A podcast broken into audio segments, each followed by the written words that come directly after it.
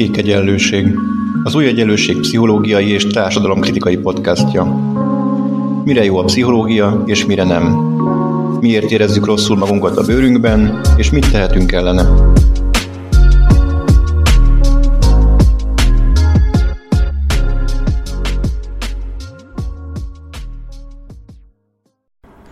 Sziasztok, ez itt a Kék Egyenlőség Podcast, a stúdióban pedig Cabán Samu és Fáber Ágoston. Sziasztok! Most a rendhagyó évadzáró podcastunkat halljátok, azt hiszem, hogy ez a második, ugye? Igen, igen. Mióta ismeri ez a podcast? Hát szerintem három éve, de én egy évet, egy évet, egy évet nem voltam, tehát ezt... Igen, az első év kimaradt, az első évben nem tudtuk megbeszélni magányos a podcastokat. Lehetett. Nagyon magányos volt. De már de itt vagyok veled. Magányos, de érdekes volt. Most, most nem magányos, és most is érdekes, sőt, bízunk benne, hogy még érdekesebb. Ma is érdekes témákkal készültünk a számotokra olyan témákkal, amelyek szerintem méltán tarthatnak ö, érdeklődésre számot.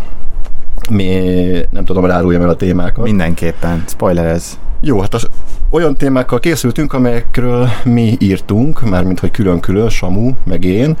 Samunak a témája a párkapcsolatok, konkrétabban az, hogy miért nehéz párkapcsolatban élni. Ő egy pszichológiai, filozofáló, eszéisztikus stílusban megírt írással próbáltam megragadni ennek a problémának a lényegét, majd rátérünk, hogy mennyire sikerült. Én pedig, hát hogy én, nekem mennyire sikerült megragadnom a témámat, az is kiderül, ez pedig a social media és a social médiában viselt dolgaink. Ezen belül is leginkább az, hogy nem egyszerűen hogyan működünk a social médiában, és milyen sajátos vonásokat mutat föl, hanem az, hogy az hogyan hat vissza a mi idézőjelben vett offline életünkre. Mielőtt a témáinkba belevágnánk, ugye ez lesz majd, ez, ez a két téma fogja kitölteni a beszélgetésünknek a gerincét.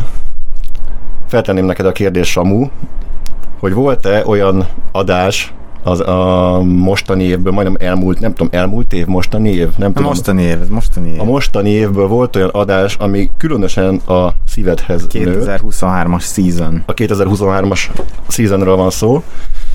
Persze mindegyik adás nagyon kedves a számunkra, az is, amit magunk csinálunk, az is, amit a másik csinál, az is, amit egymással csinálunk, de hogy volt-e neked olyan, ami hát nem tudom, aha élménnyel szolgált a számodra? Aha, aha.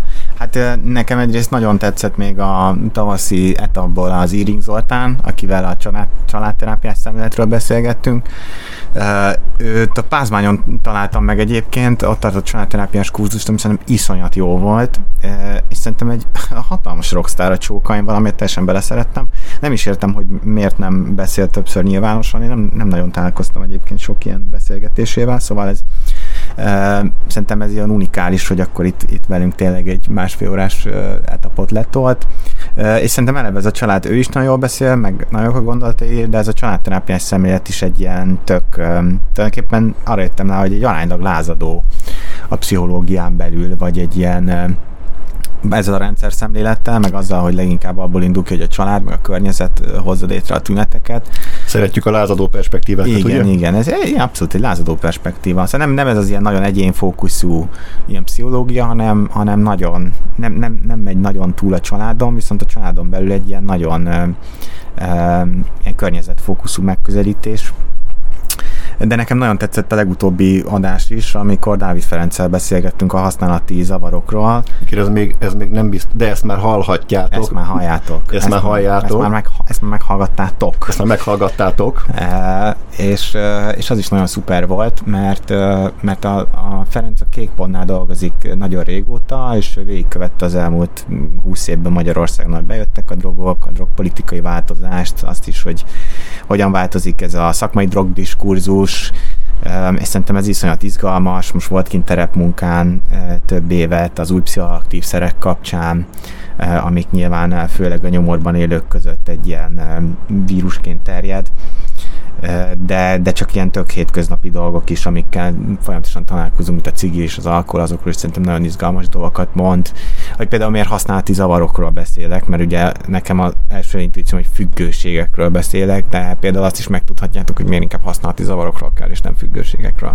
Nem spoiler ezek. És rengeteg, rengeteg ilyen fogalmi, fogalomnak az evolúciójáról ő beszámol, igen, hogy a, igen. tulajdonképpen a, a függőségnek a megragadására alkalmas vagy használt fogalmak változása hogyan tükrözi a, a társadalomban végbe ment attitűdváltozásokat.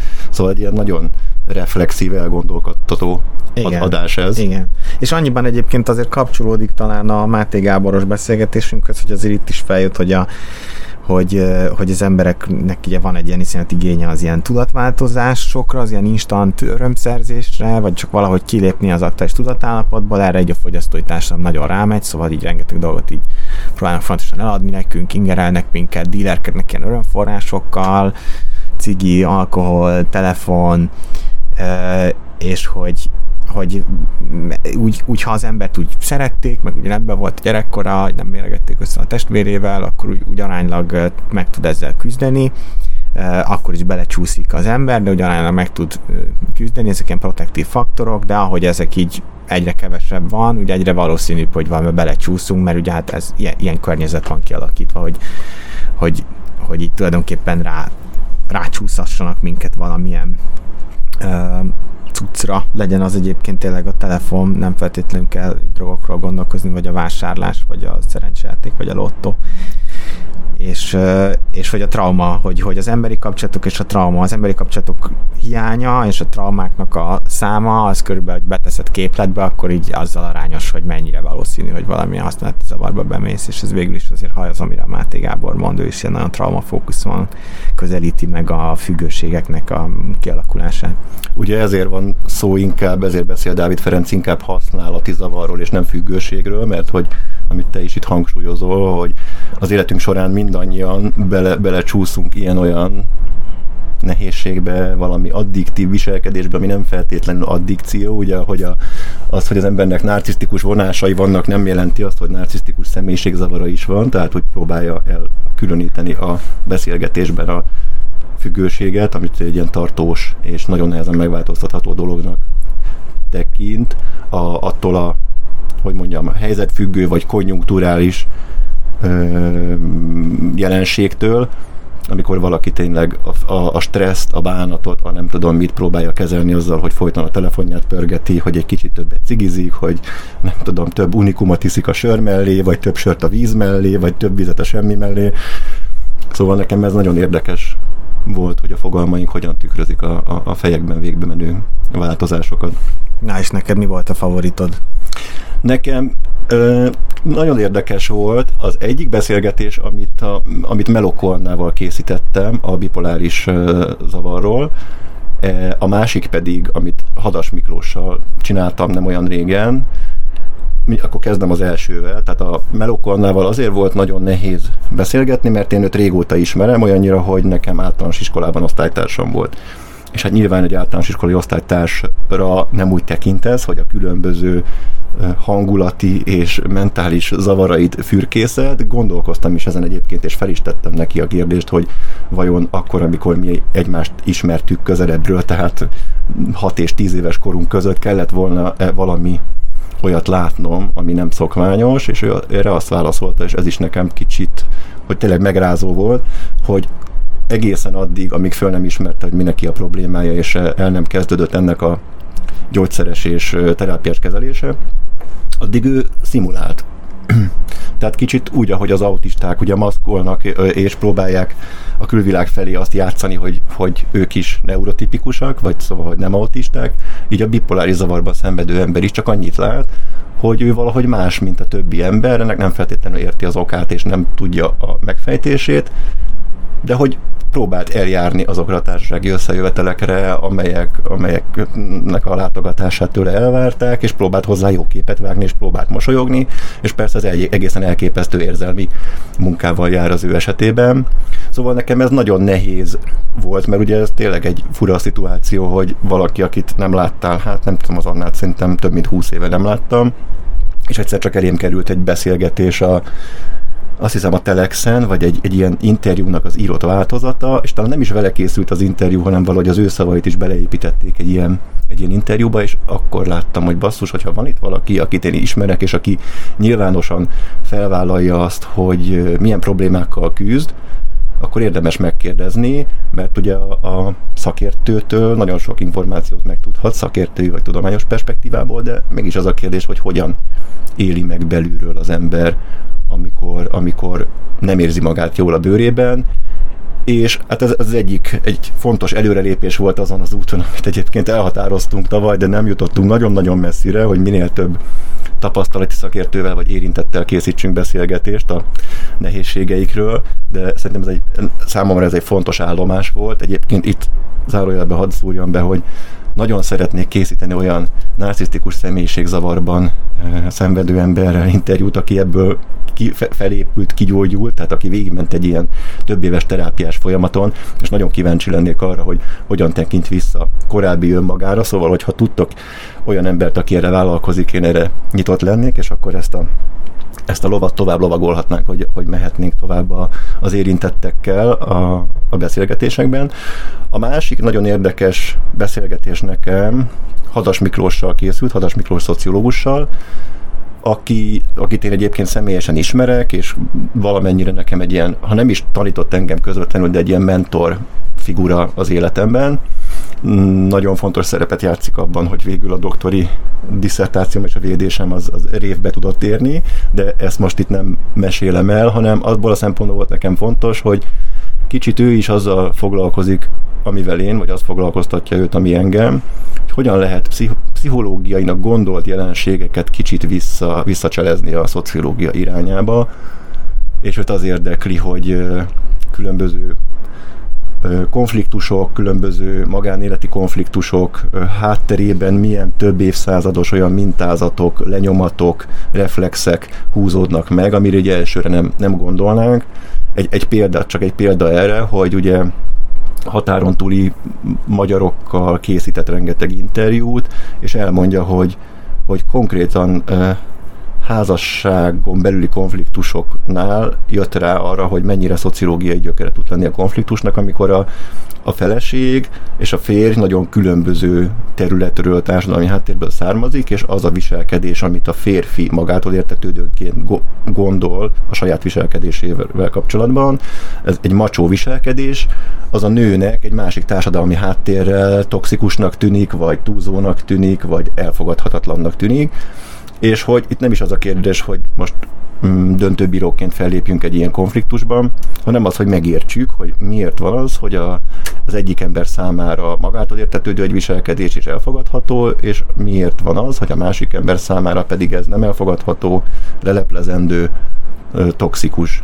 És ami ebből nekem még külön érdekes volt, az az, hogy Hadas Miklós mennyire reflexíven beszélt a saját életéről, a saját gyakorlatáról, és elsősorban a nőkhöz fűződő viszonyáról, azért merem itt kikotyogni ezt a műhelytitkot, mert hát meghallgathatjátok a podcastban, benne van, de azt kérdeztem tőle, hogy a szociológia számára milyen tanulságokkal szolgált a saját életére nézve, tehát röviden azt tettem föl neki azt a kérdést, hogy a tudomány az igazából visszahat a saját életünkre, a saját magánéletünkre, és azt mondta, hogy igen, és azt mondta, hogy hát hogy mondjam, most nem, nem mondom azokat a szavakat, amiket használt, de hogy a szociológiai szakirodalom és a feminista irodalom segítette számára belátni azt, hogy nem úgy viselkedett a nőkkel, ahogy a nőkkel adott esetben viselkedni kellett volna, vagy lett volna érdemes, és ezt követően ő következetesen és morális alapállásból feministának mondja magát, és feministaként éri az életét. Veszélyes, veszélyes ezt mondani. Veszélyes és veszélyes a tudomány, és egyébként én ennek örülök, hogy ugye nem csak a pszichológia kerül abba a helyzetbe, hogy a terápiás hatásáról beszélhetünk, mert ugye ez van napirenden, bármilyen problémánk van, bármilyen konfliktusunk van, bármilyen nyűgünk, gondunk, bajunk van, rögtön a pszichológia jut eszünkbe. Ugye nem véletlen az, hogy mondjuk iskolában van iskolapszichológus, de nincsen iskola szociológus, de a szociológiának is megvan, hogyha re- reflexív módon gyakoroljuk a szociológiát, akkor ennek is lehet egy ilyen terápiás, emancipatorikus, felszabadító hatása, akár a saját életünkre nézve, akár mások életére nézve, akár a személyközi viszonyainkra nézve. Szóval nekem ez egy nagy tanulság, én szeretném ezt hinni, hogy a szociológia képes ilyen dolgokra, de jó volt látni, hogy erre konkrét példát is fel lehet mutatni. Hm. Na, a kérdés az, hogy akkor vágjunk-e bele, ha már itt ember, személyközi problémákról beszéltünk, ö, evezzünk át az intimitás témakörére. Ugye engem is nagyon érdekel ez a téma, Samut is nagyon érdekli ez a téma, és szerintem te egy kicsit pszichológiai perspektívából ragadtad meg azt, ugye, mivel a végzettséged is ez irányú, pszichológiai perspektívából ragadtad meg azt, hogy miért nehéz párkapcsolatban élni. Szerinted nehéz párkapcsolatban élni? hát figyelj, nehéz kicsit előrébb megyek. Az eredeti cikk cím az az volt, hogy a modern párkapcsolatok pszichológiai dilemmái, de aztán mm. átírtam. Úgy vettem, hogy ez egy kicsit túl bonyolult. Meg nyilván, amikor arról beszélek, hogy a párkapcsolatok pszichológiai dilemmái, meg miért nehéz párkapcsolatban lenni, akkor hozzá kell tenni, hogy ez egy valami univerzális állítás, amit próbálok tenni, vagy kicsit belőlem jön, hogy nekem miért nehéz. Ugye mindig, amikor és akkor itt szint kell vallani, amikor ír az ember egy, egy cikket, hogy ő honnan jött, mert nyilván a saját tapasztalataid, az a közeg, amiből származik a cikk, azok meghatározzák, nyilván próbáltam azért a szakirodalomra támaszkodni, meg a szakirodalmat összefoglalni, de az, hogy a szakirodalomból egyáltalán milyen szakirodalmat választok, abból mi nekem a meggyőző, abból mi az, amit és hogyan emelek ki, az kapcsolódik ahhoz, hogy én ki vagyok és milyen tapasztalataim vannak. Ez nem azért van, mert én rettenetesen önkényes ember vagyok, hanem mert minden dolog, amit olvastok, vagy hallotok, az, az bele van ágyazva az emberbe. Ez ilyen, ilyen tudás, meg ilyen tudomány, szociológia, ami ezzel foglalkozik, talán ezt te tudod jobban. Ez a tudománynak a normális működése, hogy a téged foglalkoztató igen. problémákat próbálod meg átszűrni, igen. eltávolítani, objektiválni, és átszűrni egy ilyen tudományos apparátuson. Az, hogy az, hogy ez téged érdekel, az teljesen természetes. Igen. És az, hogy párkapcsolati dilemmákról beszélek, az nyilván úgy korrekt, hogyha elmondom, hogy én én milyen, milyen, ki vagyok, és milyen tényezők határoznak meg. Ugye én férfi vagyok, nem nő, nyilván ezért azért má, kicsit mások a dilemmái, azt gondolom, hogy férfi meg nőnek.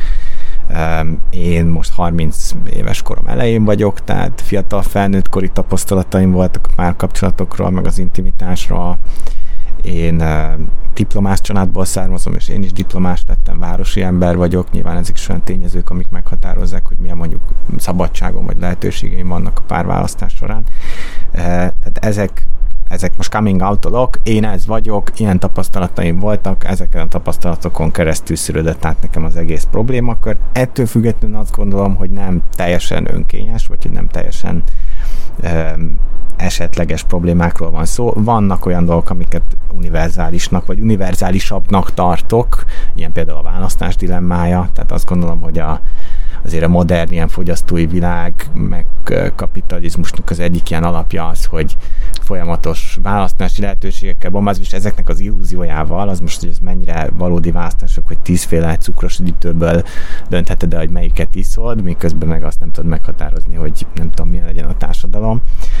De hogy de hogy azért van egy ilyen nagy szupermarketesedés, egy ilyen érzés, hogy te bármilyen egyetemre mehetsz, bármilyen, bár, legalábbis egy illúzió, mondom, többre is az, hogy egyetemre mehetsz, az már nagy részt azt határozza meg, hogy a szüleid egyetemre jártak el statisztikák szerint. De ugye mindenhonnan azt hallod, hogy hát Igen, a korlátlan lehetőségek Igen. előtted állnak, a párkapcsolati piac nagyon hasonlít ehhez. Igen, és függetlenül attól, hogy tényleg megvan ez a választásod, vagy nincs, az, hogy fontosan ezt hallod, vagy az a kultúrából, az meghatározza azt, hogy, hogy hogyan tudod a választásokat érzelmileg elfogadni, és ez például egy elég jól kikutatott ilyen szociálpszichológiai jelenség, ez az ilyen választásnak a paradoxona, hogy a választási lehetőségek növekedésével valójában nehezebben választunk, és érzelmileg kevésbé vagyunk megelégedve a választásainkkal. Tehát tök ilyen egyszerű dilemmákkal így pszichológusok lemérik, hogyha nem tudom, ki kell választanod, hazavihetsz egy kurzus végén egy festményt, és akkor az egyik esetben te az a csoport egyik része a festményt visszahozhatja, és egy hétig kicserélheti, a másik meg, meg a döntése végleges, akkor akik kicserélhették, azoknak kevésbé tetszik a festménye, mint azok, akik nem tudják kicserélni. Hát mert hogy elindul egy mechanizmus, ugye, egy meggyőzőm magam arról, hogy ha nincs választási lehetőségem, akkor tulajdonképpen biztos jól is választottam. Hát igen, az egészséges énvédelem működésbe lép, nyilván akkor azokat a dimenziókat fogom észrevenni, ami tetszik a festmény, nincs is más választásom, és azért az emberi pszichés rendszernek ilyen szempontból jó, ilyen kognitív. Ezek olyan kognitív torzítások, amik egyébként hasznosak, mert így nem kell kérdőre vonnunk minden döntésünket, mert jótékonyan azt gondoljuk, hogy hát az jó volt, még akkor is, ha éppen voltak rossz dimenziói. És amelyek viszonylag univerzálisnak tűnnek. Igen, igen. Ez, ez például szerintem aránylag, uh, aránylag jól, jól lekutatott. Hmm. De persze Vagy például az összehasonlítás, nyilván ez a fontos összehasonlítás, abban biztos vagyok, hogy mondjuk ezer évvel ezelőtt mm, a faluban volt mm, még öt potenciális partner, akivel lehettél, nem volt olyan nagy összehasonlítási alapod, azért azt gondolom, ma minden férfit egy kicsit Ryan Goslinghoz mérnek, mert mégiscsak ő elvi szinten a leg, legjobb elérhető alternatíva, még akkor is arra sincs valóságos esély, de, de hogy meg, megvan, a, megvan, a, megvan ott az a pszichés nyomás, hogy mindig lehet jobb. És ez, ez szerintem, ez szerintem mindenki, ez, ez mindenkire hat. Ezzel kapcsolatban eszembe jut egy mém, amit az elmúlt napokban láttam, egy rövid párbeszéd, hogy te, te járnál-e, vagy randiznál önmagaddal? Nem, én jobbat érdemlek. szóval, hogy most tényleg olyan, olyan messzire megyünk az összehasonlításra, hogy most már szinte minden irreális összehasonlítási lehetőséggel próbálunk élni, és, és fejben végtelenség tágítja a lehetőségeinket, és kérdés, ugye, mármint, hogy legalábbis a lehetőség illúzióját, és kérdés, hogy egy boldogabbak vagyunk-e attól, hogy folyamatosan ezer és ezer opcióból választhatunk, vagy akkor vagyunk boldogabbak, amikor kevesebb opcióból választunk. Meg ez a jobb, jobbat érdemez opcióból választ. Ez egy igen piaci logika is, ami például uh-huh. azt nem tök általánosan már ezek a szavak bejönnek a gondolkodásba, és ezt talán egy kicsit később fejteném ki, ahogy, ahogy a beszélgetésnél kibontjuk ezt a cikket még talán a cikk, cikk megírásának az ilyen történelmi előzményeihez elmondanám, hogy én, én mikor kezdtem először gondolkozni ezen a cikkem, nagyon régen, tulajdonképpen a 20-as éveim legelején. És ez is, ez is kapcsolódik ahhoz, hogy én én, én milyen ilyen zavart láttam legelőször az ilyen a párkapcsolati elvárásainkban, vagy ilyen modelljeinkben. Mi, Nekem, mi volt az a zavar?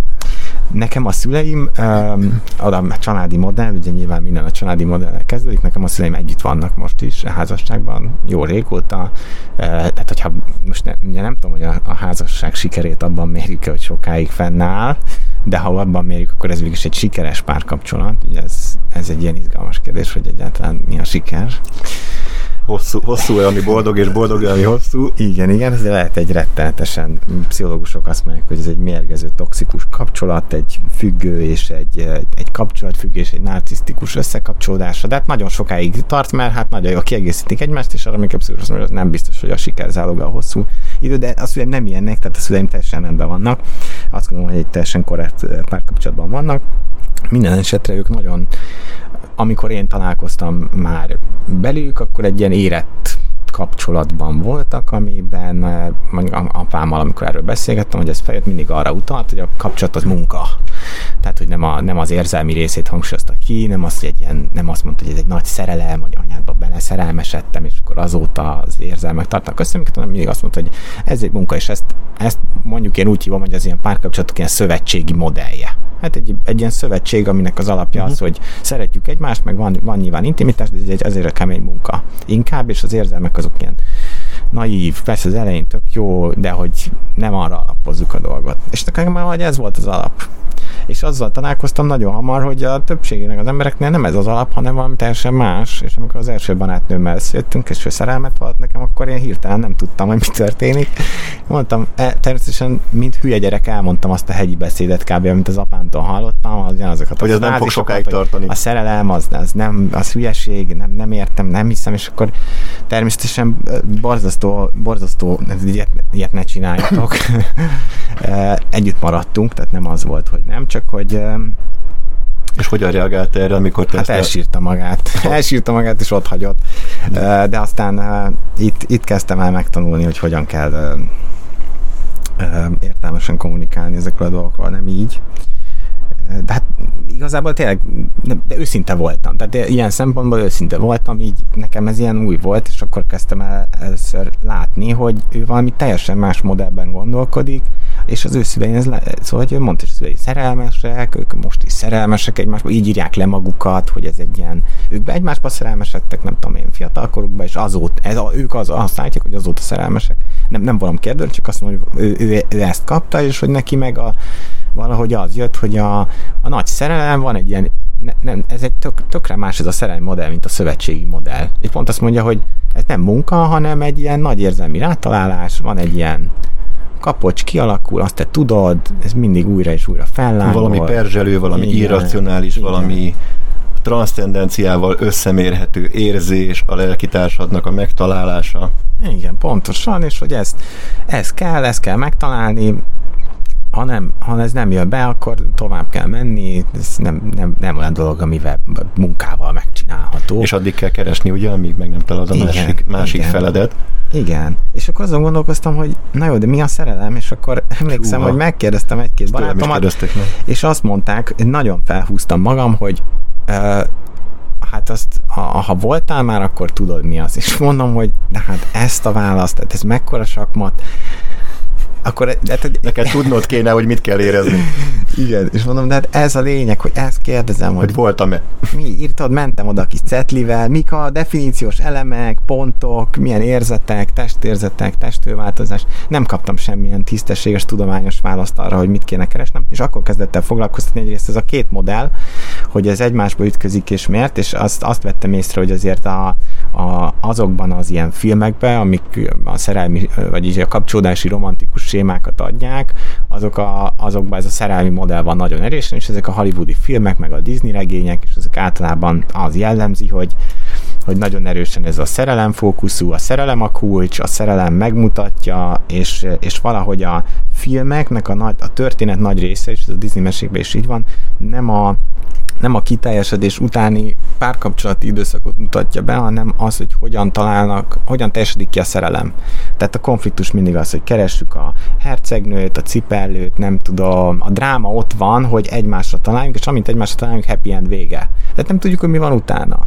És ezért éreztem azt, hogy itt, itt valami nem stimmel, mintha, mintha nem maradna a sztori vége, és... Uh, Ez lehet, hogy már a thriller meg a horrornak a kategóriája. Igen, igen. És egyébként az ki is derült, hogy egyébként a választás kapcsán például egy sok mondjuk keleti kultúrában, egy csomó, csomó történetben pont az van, hogy a, nem a nem ezzel a megtalálással vagy a kialakulással kezdődik a történet, hanem azzal, hogy akkor százasodnak, és a sztori utána, utána történik. Itt meg valahogy előtte. Most az előre elrendezett házasságok utalsz, ugye? Igen, hogy, igen. hogy helyetted választanak egy társat, és akkor azt a társat kell mm, meg, megszeretned, megkedvelned, mint a, mint a festménynél, igen, ugye, de hogy a, vissza Igen, a de hogy ez nem csak a szabad párválasztásról szól, hanem úgy általában egy ilyen kulturális narratíváról.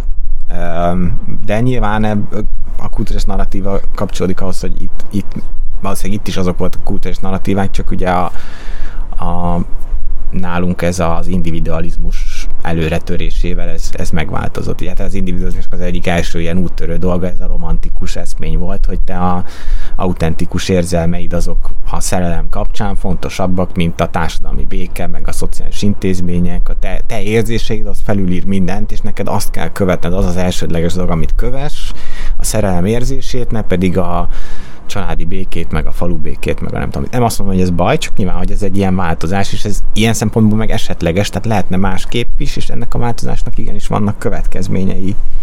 Hát az egyik következménye az az, ugye, hogy próbálunk reflexíven, folyamatosan meg gondolkodva párkapcsolatban lépni és megtalálni a másik felünket, és hogy amikor ezeket a kapcsolatokat mondjuk a, a vagyon, vagy a közös normák, vagy a családi háttér, vagy a közös vallási háttér támasztja alá, akkor az szükségszerűen stabilabb lesz, mint az, az, amikor a folyamatos reflexió, folyamatos gondolkodás, az élettervek összeegyeztetése, a másiknak a kérdezgetése, stb. stb. Igen.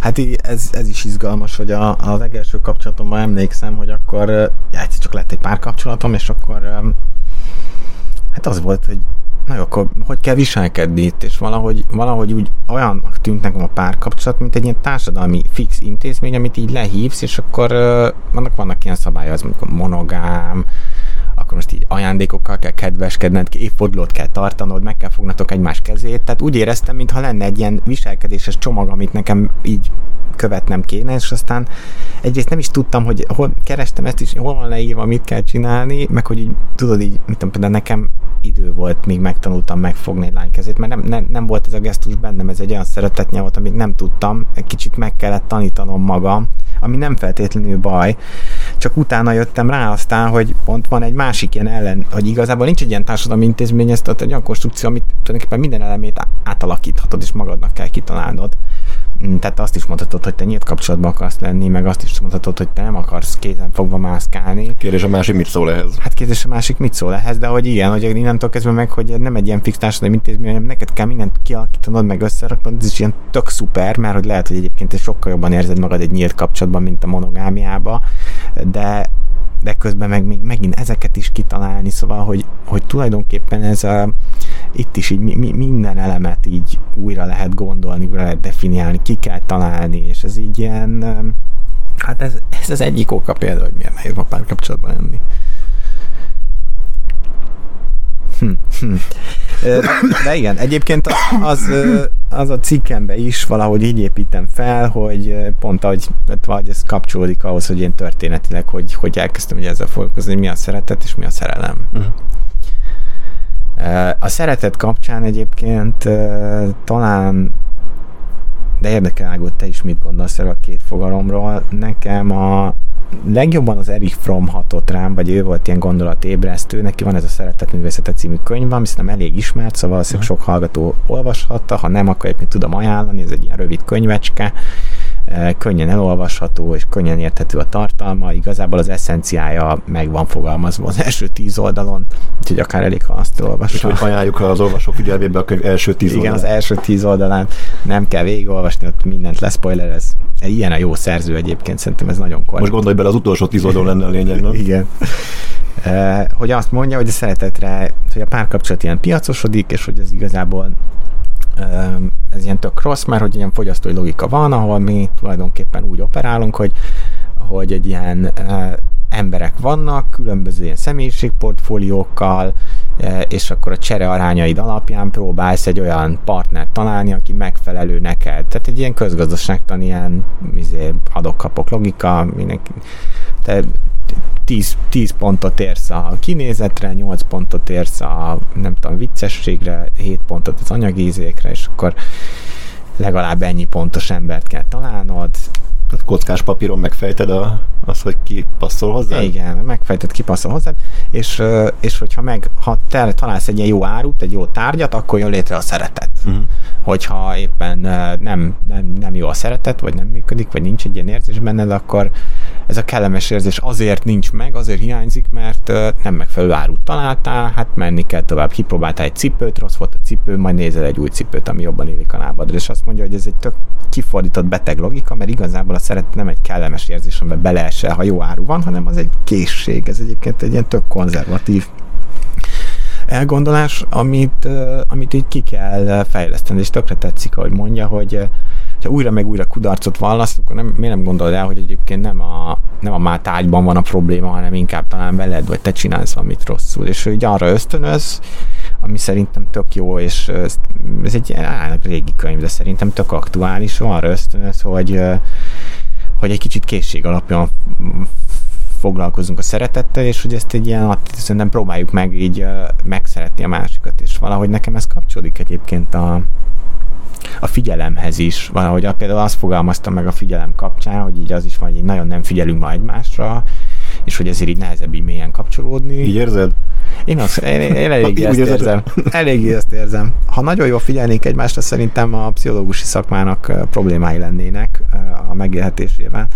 A, a, a, a részben szerintem a pszichológiai szolgáltatásoknak, a segítő szolgáltatásoknak egy nagyon komoly része az, hogy, hogy egy embertől itt tényleg mély, aktív értő figyelmet kapsz. Ezek a, azért ezek a terápiának nagyon fontos hatótényezői, és ezt egyébként akár mástól is megkaphatjuk, tehát ezt egymásnak is meg tudjuk adni, és uh-huh. szerintem vannak is ilyen mély, intenzív élményeink, amikor azt éljük meg, hogy valakihez nagyon kapcsolódunk, mert egy pillanatra nem azon szorongunk, hogy mi volt tegnap, mi lesz holnap, nem a telefonunkon akarjuk nyomni, hanem valahogy így rákoncentrálunk, és kialakul egy ilyen, ilyen erős csatorna köztünk, és hogy majd azt fogalmaztam, hogy nem azért, nem azért találjuk unalmasnak az embereket, mert mert unalmas dolgokat mondanak és felszínesek, hanem nem figyelsz rájuk, és ezért találod unalmasnak és felszínesnek. Tehát nem, a, nem azért nem figyelsz, mert unalmas, hanem azért, azért unalmas, mert azért nem unalmas, mert nem figyelsz, igen. És hogy talán ez a ez az ilyen kapcsolódás így most összekötődik bennem ezzel a szeretet kapcsolódás, hogy ennek is van egy ilyen meditatív része, valahogy a másikra figyelés, valahogy egy, arról szól, hogy te te tudj kapcsolódni a másikhoz, nem az, hogy a másik így elég jó cipő, amit fel tudsz venni. Igen, hát ez egy érdekes kérdés, hogy megvannak azok a strukturális tényezők, amelyek téged egy bizonyos, mondjuk jelöltek egy bizonyos csoportja felé terel, mondjuk a hasonló, nem tudom, oktatási háttér, a hasonló családi háttér, a hasonló világnézet, a, a kultúrához való hasonló viszony, a humorhoz való fűződő viszony, de hogy ezek nem olyanok, mint, mint hogyha mondjuk sinen húznánk az emberi viszonyokat, hanem ezek létrehoznak egy keretet, amit aztán neked meg kell töltened, um, ahogy te is mondod, a, ki kell találnod ezen belül, hogy a szeretet mit jelent, ki kell találnod azt, hogy hogyan lehet ezt a, ezt a szimbolikus, virtuális vagy nagyon is fizikai teret megtölteni, belakni. Ja. Ja, neked egyébként hogy tetszik ez a szeretett modell, vagy te a Fromot olvastad? Mm, nem, ezt a, ezt a Fromot ezt nem ismerem, de ne, nekem tetszik minden ami, minden, ami egy kicsit történeti, minden, ami egy kicsit ö, eltávolodik, a, eltávolodik a nagyon közvetlen pszichológiai magyarázatoktól, mert úgy gondolom, hogy a, hogy a, a, a pszichológiának persze megvan nagyon fontos mondani valója lehet a párkapcsolatokkal kapcsolatban, de egy csomó mindenre nem, nem lát rá, bocsánat, például az is, amit itt te feszegetsz, hogy miért nehéz párkapcsolatban élni, hogy ennek nem csak, nem csak pszichológiai gyökerei vannak, hanem társadalmi gyökerei vannak, habituális gyökerei vannak, vagy akár, amit szintén mondtál, és ez, ez nekem is szögetített a fejembe, ez a, ez a család, családottól megörökölt hát nem tudom, életbölcsesség, vagy frázis, vagy nem tudom. Nálunk is volt a családban egy hasonló ilyen életbölcsesség, ez a soha ne építkezz, soha ne építs házat, mert ha házat építesz, akkor átvernek, a sosem készül el, renge, elválsz. Nem, mintha nem láttam volna olyan párkapcsolatot, a, ami, ami azért ment tönkre, mert elkezdtek, vagy hát ne, ne játszott volna benne szerepet az, hogy építkeznek, de nálunk ez a, nálunk ez a, a szerelem munka, ez nálunk nem volt meg, nálunk volt egy másik az, hogy ne építkezz, úgyhogy mi családilag soha nem is építkeztünk ilyen formán, azt még akkor sem, amikor lehetőségünk lett volna rá.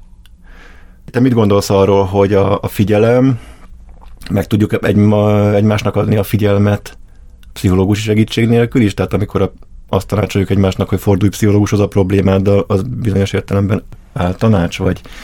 Nem, szerintem nem áltanács. Nyilván a, a pszichológusok adott esetben tudnak többet is, meg uh, módszere válogatja. Én csak azt mondom, hogy alapvetően a, a ez a személyközpontú terápiás irányzatban ezek kifejezetten elsődleges hatótényezők is, hogy a, a, én, én bevallom, megint szint vallok, én mondjuk én a ilyen személyközpontú Rogersi pszicho, pszichoterápiás irányzatnak vagyok a híve, meg én abban is képződök, és azért ez, ez tulajdonképpen abban indul ki, hogy, hogy nagyon egyszerű dolgokra van szükségünk ahhoz, hogy mi magunk fejlődni és prosperálni tudjunk, és ez az, hogy feltétel nélkül elfogadjanak minket, az, hogy figyeljenek ránk, az, hogy empatikusak legyenek velünk, olyan, ezek ilyen közhelyes dolgok, de tulajdonképpen tényleg hihetetlen erejük van, és, és az van, hogy ezeket meg lehet adni a másiknak, de nagyon nehéz, tehát, hogy nem az van, hogy a, a, a hallgatás, vagy a figyelem az nem egy ilyen passzív dolog, mint hogy eh, nem tudom, tehát ezt egy elsőre passzív dolognak tartják az emberek, de igazából technikák, amit ak- meg lehet tanulni, amin, amit nehéz ma, szerintem ele, eleve valószínűleg nehéz csinálni, de a mai világban, ami a jelenlétnek a szociális alapjait teljesen szétrombolja, különösen nehéz, meg nyilván ez egy nagyon individualista, ugye sok pszichológus mondja, ez egy ilyen narcisztikus kultúra, most nyilván nem azt jelenti, hogy mindenki narcisztikus, meg nem azt jelenti, hogy individuálisak is vannak tök jó részei, de hogy nyilván van egy ilyen túlzott ilyen önfókuszúság, és ezért nagyon nehezen figyelünk a másikra, mert azon gondolkozunk egy beszélgetésben, hogy majd mi milyen frappáns dolgot mondunk, meg azon szorongunk, hogy hogy ítélnek meg, és és nem pedig rá fókuszálunk, és szerintem tényleg nagyon gyógyító egy ilyen viszony, és a, egy nagyon komoly rész a terápiának ez persze, mondjuk biztos van séma terapeuta, aki ennél többet is ad, mert hogy nem tudom én segít átdolgozni ilyen családi sémákat, amik mondjuk meghatároznak, de de az egyik, a ható tényező fele szerintem ott is az, vagy a hatás fele ott is az, hogy valaki ott van és figyel, és elfogad, és azon belül persze jó, hogyha van egy-két ilyen extra eszköze, meg szerintem szokott lenni azért egy-két extra eszköz a pszichológusoknak, de ezt de ez benne van minden terápiás, jó, minden jó terápiás folyamatban, nyilván nagyon sok terápiás folyamat valószínűleg rossz, mert a szakmabeliek, minden szakma, szakmának a tagjaiban vannak kutyaütők, tehát ez nem a pszichológia sajátja. Nyilván orvos is félrekezelhet, meg pszichológus is lehet tök rossz, meg lehet tök jó, de ez az, ezt az elsőleges hatótényezőt, ezt igazából mi egymásnak is megadhatnánk, tehát én is e, azt tudnám mondani neked, hogy menjünk el tázni, és tudnék rád figyelni, és, és valószínűleg az ugyanannyira gyógyító lenne, ha neked lenne bármilyen megakadásod, vagy csak önmagában az így, mint nem tudom, az egy ilyen emberi, az egy ilyen emberi viszony, ami, ami én-te viszony, nem pedig egy ilyen én-az viszony. Nem egy narcisztikus viszony a tárgyhoz, vagy egy igen, narcisztikus viszony igen, a másikhoz. pontosan. És ennek is van nyilván egy ilyen filozófia előzmény, ez ilyen interpersonális filozófia, és ez, ez, ez, ennek is van egy ilyen hagyománya, hogy, hogy így gondol, hogy hogy ahogy ilyen tárgy, nagyon ilyen tárgyasan viszonyulunk a, a világhoz, meg egymáshoz, ez sem a mi hibánk, hanem így bele van kódolva valahogy a kultúrába, de és hogy ez lehetne más, hogy és, és valószínűleg jobb, jobb, jobban ére, ére, éreznénk egy ilyen viszonyt, ami, amiben egymásnak így személyek vagyunk, nem pedig tárgyak vagy eszközök. És ha már tárgyasítás, ha már narcisztikus viszonyok, akkor hadd had térjek egy kicsit át arra a témára, amivel én foglalkoztam idén, arra, hogy hogyan működünk, hogyan viselkedünk az online térben, ezen belül is a social media platformokon, mert azt gondolom, és hát ezzel nem árulok el talán nagy titkot, hogy a narcisztikus működésnek egy kiváló terepe az, amikor az ember folyamatosan önmagáról megoszthat tartalmakat, a családjáról fotókat tölthet föl, a sikereiről beszámolhat, és hát ez, ez kezd egy olyan irányt venni, aminek a hatására már a, a, nem csak az online jelenlétünk változik meg, hanem az offline életünk is érdekes változásokon megy keresztül, és e, ebben a cikkben én onnan indultam el, hogy persze mindenkinek a kezében ott van a telefon, és mindenki folyton mindent feltölt, hogy vajon függőség-e az, hogy az ember sokat facebookozik, vagy sokat hát ivivezik, az én generációm az még tudja, hogy mi volt az az iviv, chatszobákat már meg sem említem. Tehát sokkal ott van a kezünkben a telefon folyton, és nézzük, nézzük, hogy mi történik, és szerettem volna abból kiindulni, hogy, hogy ez nem feltétlenül fizikai értelemben vett függőség, hanem egy olyan strukturális változás, egy olyan társadalmi változás, ami minket ebbe az irányba terel.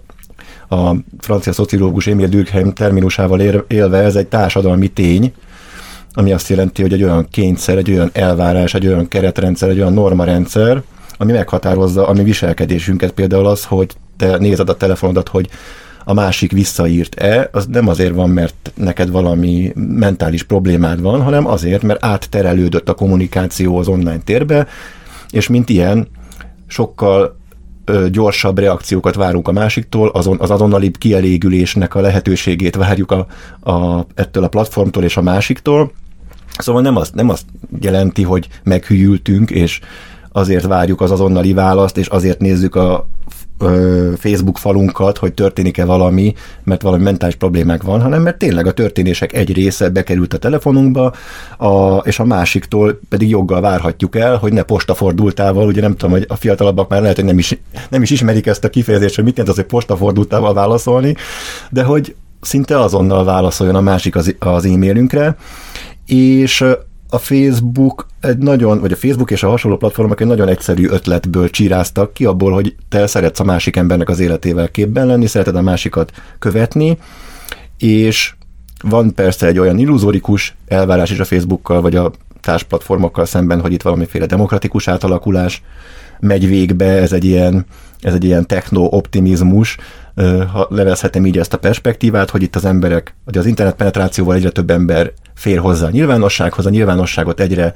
nagyobb mértékben formálhatja, a véleményét kifejezheti, racionális vitákba bocsátkozhat a másikkal, és hát azért azt látjuk legalábbis a magunk körül, hogy ez nem, nem feltétlenül van így, mert nem ebbe az irányba szoktak menni a dolgok, hanem mindenki, aki saját buborékjában ismételgeti és mondja, mondja, mondja a magáét, és a legfontosabb újítás szerintem ezen a kettőn túl, tehát a demokratizálódáson és a másik követésén túl az, hogy saját magunkat segít prezentálni vagy bemutatni, mégpedig egy ilyen nagyon sajátos, hogy mondjam, kockázatmentes formában, mert hogyha egy ilyen offline, egy valós életű interakcióban veszel részt találkozóban, ott mindig benne van a pakliban, hogy hát valami félrecsúszik, félreértitek egymást, nem tudom, elmentek sörözni, berúgsz és elkezdesz illetlen poénokat mesélni. Szóval mindig van valami kockázat abban, hogy ez az interakció a való életben hogyan fog még végbe menni, és ez a te értékedet hogyan tükrözi, és a Facebook, meg a társplatformok, Instagram, stb. tök jó platform arra, hogy ezt a kockázatot csökkent, és egy saját magadról egy olyan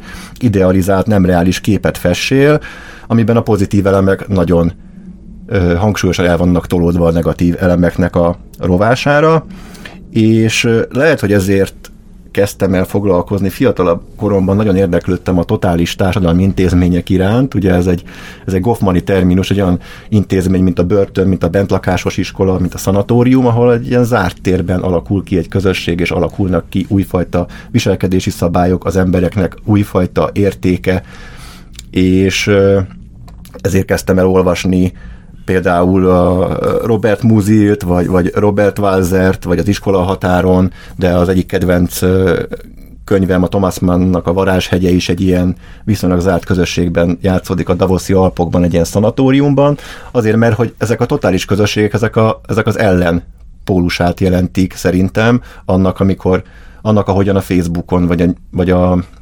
társplatformai viselkedünk, mert hogy egy olyan zárt közösségben veszel részt, ahol nem tudod hosszú ideig elleplezni a saját problémáidat, vagy teljesen más embernek mutatni magad, mint amilyen vagy, hanem egy, egy intenzív társas jelenlét hatására kiderül rólad az, hogy, az, hogy ki is vagy valójában. És akkor, ha már, ha már narcizmus, akkor, akkor erről Byung-Chul Han, koreai német filozófus mondja, hogy ezeken a felületeken főleg egy teljesítmény szubjektum van jelen. Tehát amikor te posztolsz, akkor azt a teljesítménykényszert érzed, hogy neked valamit itt fel kell magadról mutatni, mert csak akkor vagy szerethető, akkor vagy értékelhető, hogyha valami pozitív dolgot tudsz magadról megosztani, hogyha nem tudom, megírtál egy cikket, hogyha elutaztál valahova, ha vettél egy új autót, és akkor ezekért cserébe jár vissza a, a pozitív megerősítés, mert te ön, önértéken nem gondolod magad kellőképpen értékesnek.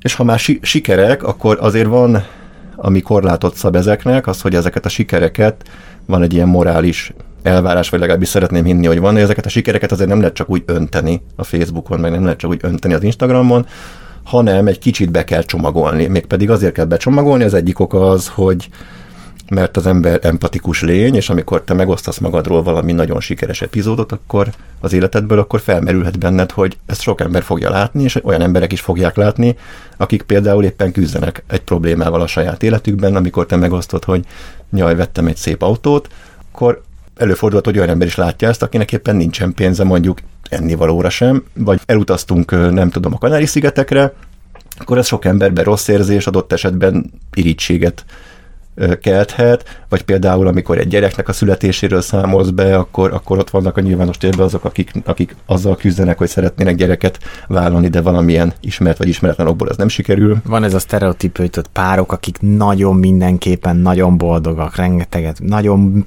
kiteszik a párkapcsolatot, és akkor mindig nézik az emberek, és mondják, hogy ú, tuti mögötte valami baj lehet. Igen. És a, és a csomagolásnak a, a, a másik formája, ami egy nagyon sajátos forma, erre próbáltam kitérni az írásomban, ez az úgynevezett humble bragging, ez a úgy dicsekszem, hogy közben panaszkodom, vagy úgy panaszkodom, hogy közben dicsekszem, nem tudom, hogy Zseniális. Nem tudom, hogy melyik a megfelelő terminus, de ezek olyan ellentmondásos üzenetek, amik az én sikeremet, vala, sikeremnek az élét megpróbálják elvenni. Ezt csináltad már? Mm, talán régen csináltam. Mondj egy példát, most, most egy humble hogy bragginget csinálj. Egy hát, személyeset. Személy, hát most személyeset, személyeset nem tudok. De személytelen tudok. Na. Például elvittem a, a mercimet az automosóba, és basszus, nem, nem hozták vissza három órán belül, úgyhogy, úgyhogy BKV-val kellett mennem. Ez például egy ilyen humble bragging. Na, hát most ez nem az én saját életemből vett példa, mert nincsen mercim, mondjuk BKV-zni szoktam, de hogy ennek az a lényege, hogy egy olyan üzenetet teszel közé, ami rád nézve pozitív, és akkor az élét valahogy megpróbálod egy kicsit le, lereszelni azzal, hogy valami, valami nyűgöt hozzá, hozzáfűzöl, hogy fú, de basszus, nekem most BKV-val kellett mennem. Vagy például egy, egy másik példát mondjak, hogy jaj, el, elkérték a személyigazolványomat a boltban mondott te 32 évesen, vagy mondom én 42 évesen, ami hát nyilván azt sugalja, hogy nekem itt valami nyűgöm volt, mert a biztonsági oda jött, és azt mondta, hogy vegyem elő a személyigazolványomat, és nem találtam a pénztárcámban a személyigazolványomat, és keresni kellett. De hát a pozitív üzenet ebben az, hogy én sokkal fiatalabbnak tűnök az életkoromnál, és hogy adott esetben engem még 18 évesnek is nézhetnek. Ami nem hát micsoda dicséret, ami hát, égista fiatalság fókuszítás. Ami hát hatalmas dicséret. Bezzeg az ókori Kínába, hát ez szégyelnék az emberek, hiszen ott idősebbnek hazudták magukat. Hát most nem ebben a, nem ebben, nem ebben a, nem ezen a hullámon lovagolunk. És a másik dolog, ami miatt a sikernek a demózása vagy a nyilvánossá tétele problematikus lehet, az az, hogy nem pontosan tudjuk, hogy mi az, hogy siker. Legalábbis vannak egymással össze nem mérhető kritériumai a sikernek. Van, akinek a pénz, sok pénz a siker, van, akinek az ismertség, a hírnév a siker, van, akinek az a siker, hogy sok embernek tud segíteni, vagy van, akinek az a siker, hogy mondjuk egy nagyon rossz bántalmazó kapcsolatban él, és ebből sikerült kilépnie, szóval nagyon sokféle kritériuma lehet annak, hogy valaki sikeres. A másik érdekes kérdés pedig az, hogy vajon az, hogy sikeres vagyok, azt én minek köszönhetem. Most tényleg független attól, hogy milyen definíciót használjuk a sikernek, hogy ebben szerepet játszik-e a genetika, szerepet játszik-e a családi háttér, szerepet játszik-e a szerencse, szerepet játszik-e a tehetség, az akaraterő, tehát rengeteg olyan tényező szerepet játszhat a sikerben, amikben nem feltétlenül tudunk megállapodni, egy ilyen strukturalista perspektívában a szociológus azt mondaná, hogy hát a társadalmi háttér és azok a tőkék, amiket te a családban felhalmoztál, és amiknek a haszonélvezője vagy, ezek téged hozzásegítenek a, a sikerhez.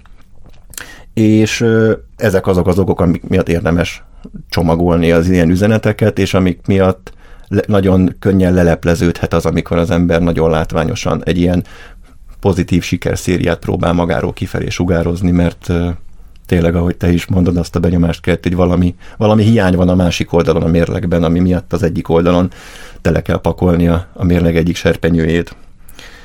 És aztán, ami még hogy a második felére térjek rá ennek az írásnak, ami még ezzel kapcsolatban érdekelt, hogy hogyan professzionalizálódik az én bemutatás, és akkor itt átköthetünk az influencer iparra, meg a tartalomgyártásra, meg az én márkaépítésre, hogyha ezek a szavak Hát valamilyen mindenki csengőt. influencer. Mindenki influencer. Mindenki önmaga influencere. Igen, és te vagy a saját szerencsédnek a, a kovácsa, és a saját sorsodnak az irányítója, és te vagy az alany, a tárgy, és a helyhatározó, és a rag. Hát és ugye ez teljesen átmegy a, ugye minden térbe, tehát van az Instagram, ahol a fotó külön lakoddal influencerkedsz, van a Facebook, ahol már hát nem tudom kik vannak ott, de valamivel ott, ott csak a személyiséged, és már van a LinkedIn, ami kifejezetten munkaplatform, ahol a hmm. munkáltatóid mondják, hogy menj szépen fel és lájkold a posztokat, tehát kialakult egy teljesen egy ilyen professzionalizált Facebook világ, sőt ennek vannak ilyen lokális változata is. Én amit látok közös vonás ezekben, a, ezekben a, az influencerekben, az az egyik az a, az ön eltárgyasításra való hajlam, tehát hogy saját magamat nem egyszerűen emberként kezelem, hanem márkaként kezelem, meg termékként kezelem, és ennek megvan az a veszélye, hogy hogyha én magamra tárgyként tekintek, akkor esetleg ezzel másokat is arra bátorítok, hogy ők is tárgyként tekintsenek, és mondjuk a nyilvános térben rajtam vezetik majd le a feszültséget, azt gondolván, hogy ugye nekem nincsenek emberi érzéseim, hiszen én egy mém vagyok, én egy márka vagyok, én egy brand vagyok.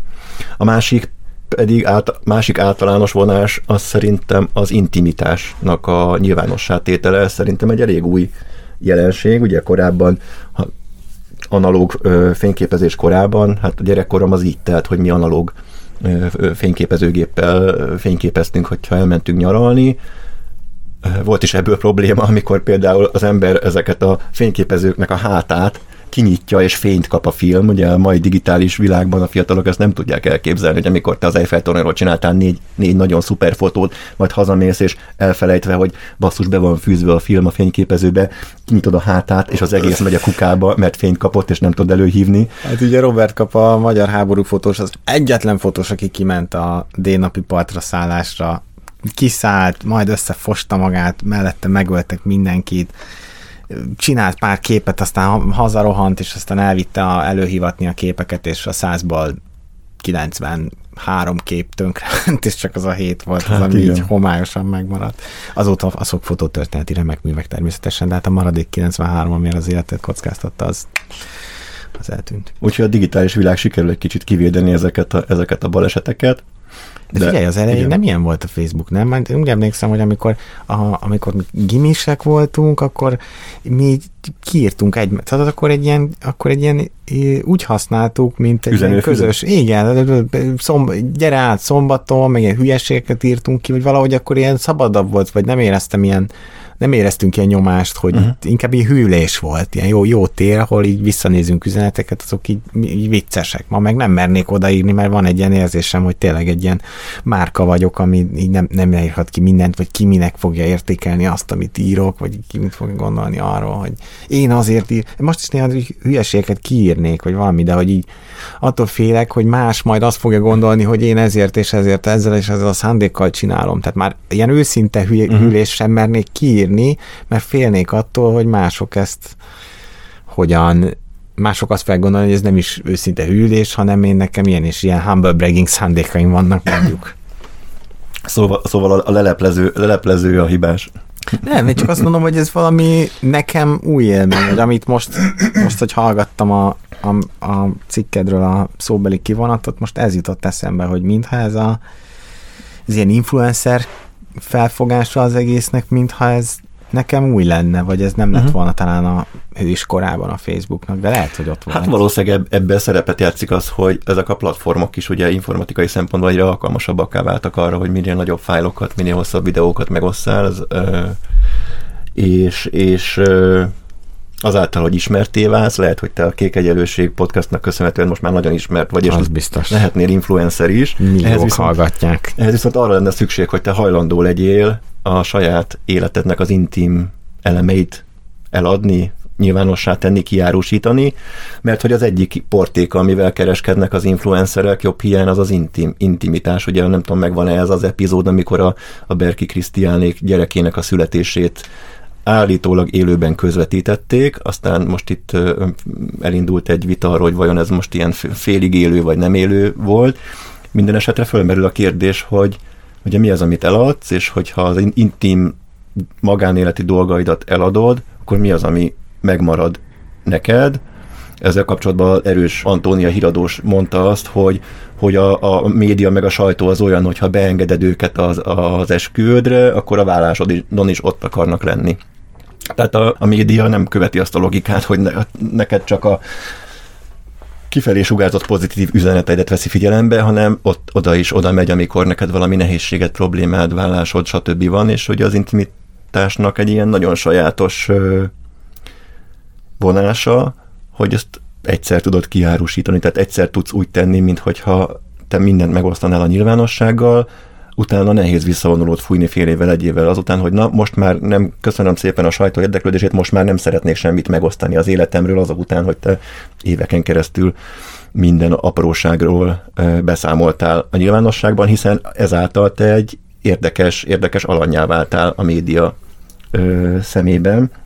Hát igen, de onnantól kezdve, hogy ezen a felületen van fent mindenki, tehát ez a nyilvánosságnak a legnagyobb tere. Onnantól kezdve igazából, ha te és ugye főleg az, hogy majd csomó olyan, nem tudom, podcastok, azok mondjuk nem, nem egy rádió műsorhoz kapcsolódnak, meg nem egy médiumhoz, hanem hanem uh-huh. ilyen privát kis uh-huh. projektek. Most van, aki elkezdi, azt mondja, hogy egyébként nem a magát akarja kiárusítani, hanem van egy tök érdekes téma, hogy ő szeretne a horgászatról podcastot csinálni.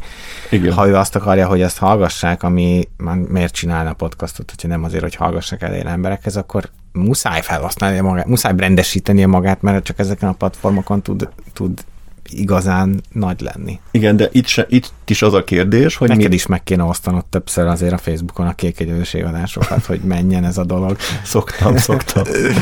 De hogy itt is felmerül az a kérdés, hogy... TikTokon, hogy TikTokon nincsen. aktívabbnak kell lenned. TikTokon nincsen. Tehát az a kérdés, hogy ha egy horgásszal csinálsz horgász podcastot, nyilván vannak benne személyes elemek, de mégis a horgászatnak a szakmaisága az, ami, ami, ami a témává válik. Vagy mi is itt a kék egyenlőségben ugye rengeteg személyes kérdésről is eszmét cserélünk, de ezt próbáljuk kontextusba ágyazni, próbáljuk reflexíven körbejárni, az idő is nagyon fontos, tehát hogy nem 10, perc, 10 másodperces videóban mutatjuk meg magunkat, hanem egy órát, egy óra 20 percet beszélgetünk egy személyes problémáról, mégpedig úgy, hogy ennek a feldolgozása valamiképpen hasznosuljon a nyilvánosságban, és más ember is, hogyha hasonló problémákkal küzd, akkor úgy érezhesse, hogy nincs egyedül a problémájával. Tehát amit mi... Hát igen, azt mondja, ezek a műsorok több emberhez jutnának el, ha te meg én jobban rendesítenénk magunkat. Hát ez, ez lehet, csak kérdés, hogy a mi brandünk az egy idő után nem menne a minőségnek a rovására, és nem, nem temetné el maga alá, mert ugye akkor meg azt kéne néznünk, hogy mi az, ami, amit nagyon-nagyon sokan hallgatnak, és mi nem csak azt nézzük, hogy mi az, amit nagyon sokan hallgatnak, hanem abból indulunk, hogy mi az, ami érdekes, fontos téma, és próbáljuk ezt minél több emberhez eljuttatni. Tehát a... Mert érted például a Pogi, az, az ugye ő felvállalja, hogy van egy saját podcastja, van egy saját csatornája, és hogy azt igazából egy kicsit brandesíti magát, és szerintem jó minőségű dolgokat csinál tökre, de ezért, mert ő bevállalja ezt a brandesítést, mondjuk sokkal-sokkal több emberhez eljut. Uh-huh. Hát akkor lehet, hogy ez a akkor, akkor Kék Egyenlőség podcast helyett nem tudom, Ágó és Samu podcast. Az lehet, szerintem egy, egy név kell, az Á, és az Ágó az egy szexibb név szerintem. Ez egyébként egy leíró cikk, ahogy leírott, hogy hogyan működnek ezek a platformok, meg ez az egész, vagy van egyébként valami viselkedéses van-e valami tanulsága, tanulsága, amit te szeretnél átadni vele? Hát részben leíró, de egy erősen kritikai perspektívában, de a tanulság tulajdonképpen az, hogy az, amit én a reflexió narcisztikus formájának nevezek, tehát az, hogy a Facebookon a reflexiónak nem az önmegértés a célja, nem a, nem a tudományos leírás a célja, vagy nem az emancipáció a célja, hanem a reflexió csak annyit jelent, hogy az én tekintetem saját magam felé fordul vissza, mondjuk a fényképező formájában, vagy a kamerának a lencséjének a formájában. Tehát, hogy magamra fordítom a figyelmet, de ezt a figyelmet, ezt elsősorban azért fordítom magam felé, hogy ebből utána vagy pénzt keressek, vagy mondjuk szimbolikus hasznot hajtsak azáltal, hogy besöpröm a lájkokat, besöpröm az elismerő kommenteket, és én azt gondolom, hogy akkor tehát ami tanácssal tudnék szolgálni, persze nincsenek illúzióim azt illetően, hogy ebbe az irányba mennek majd a dolgok, hogyha, ezt, hogyha a reflexiót vonnánk reflexió alá, tehát ha elgondolkoznák azon, hogy milyen következménye van annak, hogy folyton saját magunk felé fordítjuk a kameránkat, és ennek az termékét fotó vagy videó formájában folyamatosan megosztjuk, és hogyha sikerülne elválasztani egymástól, hogy mi az, ami fontos, mi az, ami nem fontos a megosztásban, vagy mi az, ami a nyilvánosság számára mm, fontos lehet, és mi az, ami privát, intim, mi az, amit megtartanék a magam számára, vagy sikerülne elkülöníteni azt, hogy mi az, ami spontán, és mi az, ami megrendezett, tehát, hogy ezekben a dihotómiákban sikerülne egy kicsit rendet tenni, akkor azt gondolom, hogy egy olyan irányba indulhatnánk el ezeken a platformokon, ami nem feltétlenül csak a pozitív önbemutatásnak a célját szolgálja, és ennek a tartalomnak a, a pénzre válthatóságát szolgálja, hanem azt a célt szolgálja, hogy saját arcképünk, vagy saját énünk mm, mellett megjelennek majd újabb és újabb tárgyak ezeken a fotókon, megjelennek újabb és újabb tartalmak, amelyek esetleg hozzánk nem feltétlenül kötődnek szorosan, vagyis hogy az a világ, ami az elmúlt évek során bele kényszerült egy ilyen díszlet létbe, ugye az, hogy, az, hogy elmész nyaralni valahova, és akkor már eleve az van a fejedben, hogy milyen útvonalat kéne haladni ahhoz, hogy minél jobban fotózható legyen az, amerre járok, és akkor azokat a, a műemlékeket keresem föl, amik előtt én nagyon jól mutatok, tehát, hogy, hogy de csak díszlet legyen a, a, a táj, a többi ember, csak díszlet és eszköz legyen, vagy a, a többi, többi épület, hanem akár a figyelmünket ezekre is fordíthatnánk. De akkor szerinted lehetne ezeket egészségesen is használni végül is? Én szerintem lehetne ezeket ö, egészségesebben, reflexívebben használni.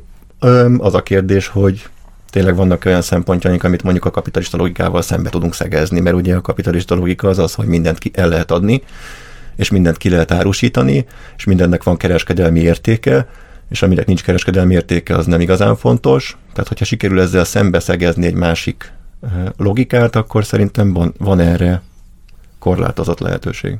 Yes. Na a végén, mert már időben nagyon a végén vagyunk szerintem, valamilyen kulturális termék ajánló, olvastál jó könyvet, láttál filmet, TikTok videót, amit az embereknek ajánlanál?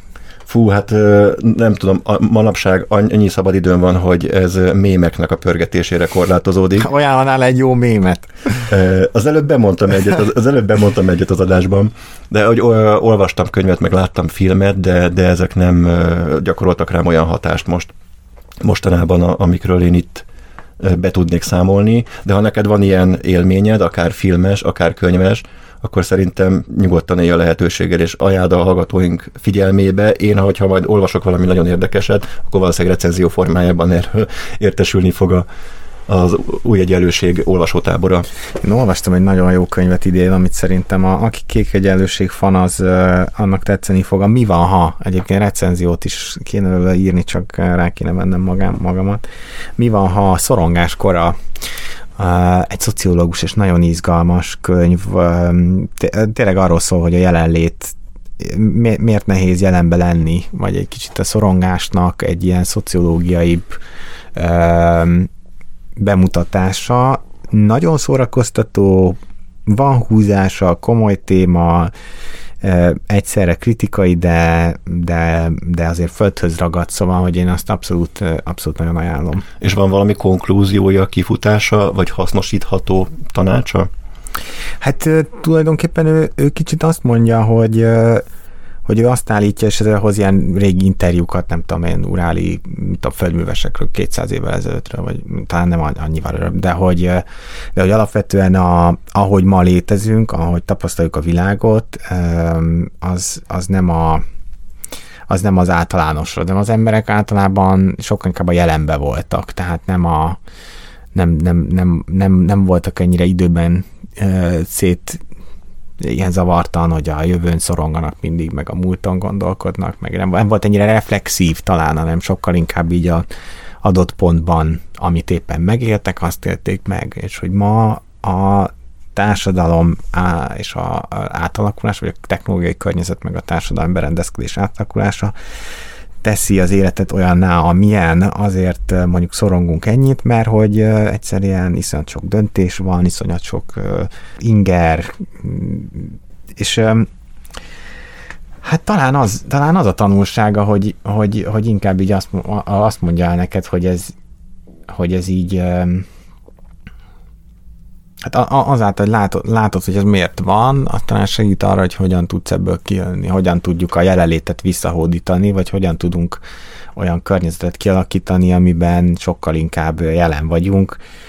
Most nyilván talán a legegyszerűbb dolog, ami így kezd, kezd talán terjedni, meg ez az ilyen digitális detox, amire az emberek, hogy akkor nézd meg, hogy milyen, amikor nincs telefonod, kikapcsolsz mindent, és mondjuk megpróbálsz egy hétig, hétig ilyen ingerek nélkül élni, és akkor lehet, hogy a végére azt tapasztalod, hogy kicsit átalakul a figyelmed, elkezdesz, nem tudom én, sokkal inkább élvezed nézni a tájat, meg az érzéseidet jobban érzed, és szépen lassan így, így lecsendesül az elméd. Most nem azt mondom, hogy ezt egy hét alatt megoldja az ember ezzel, meg nyilván ha visszamegy a társadalomba, meg be kell kapcsolni előbb a telefont, mert munkára biztos, hogy szükséged lesz rá, stb. stb.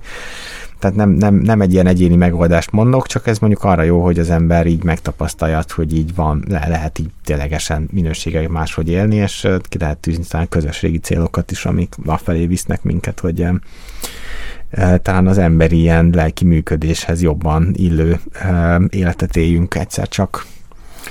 Hát én úgy érzem, hogy most ebben a bő egy órában kibírtuk a telefon, telefonos jelenlét nélkül, és remélem, hogy nem érzed úgy, hogy nem figyeltünk egymásra.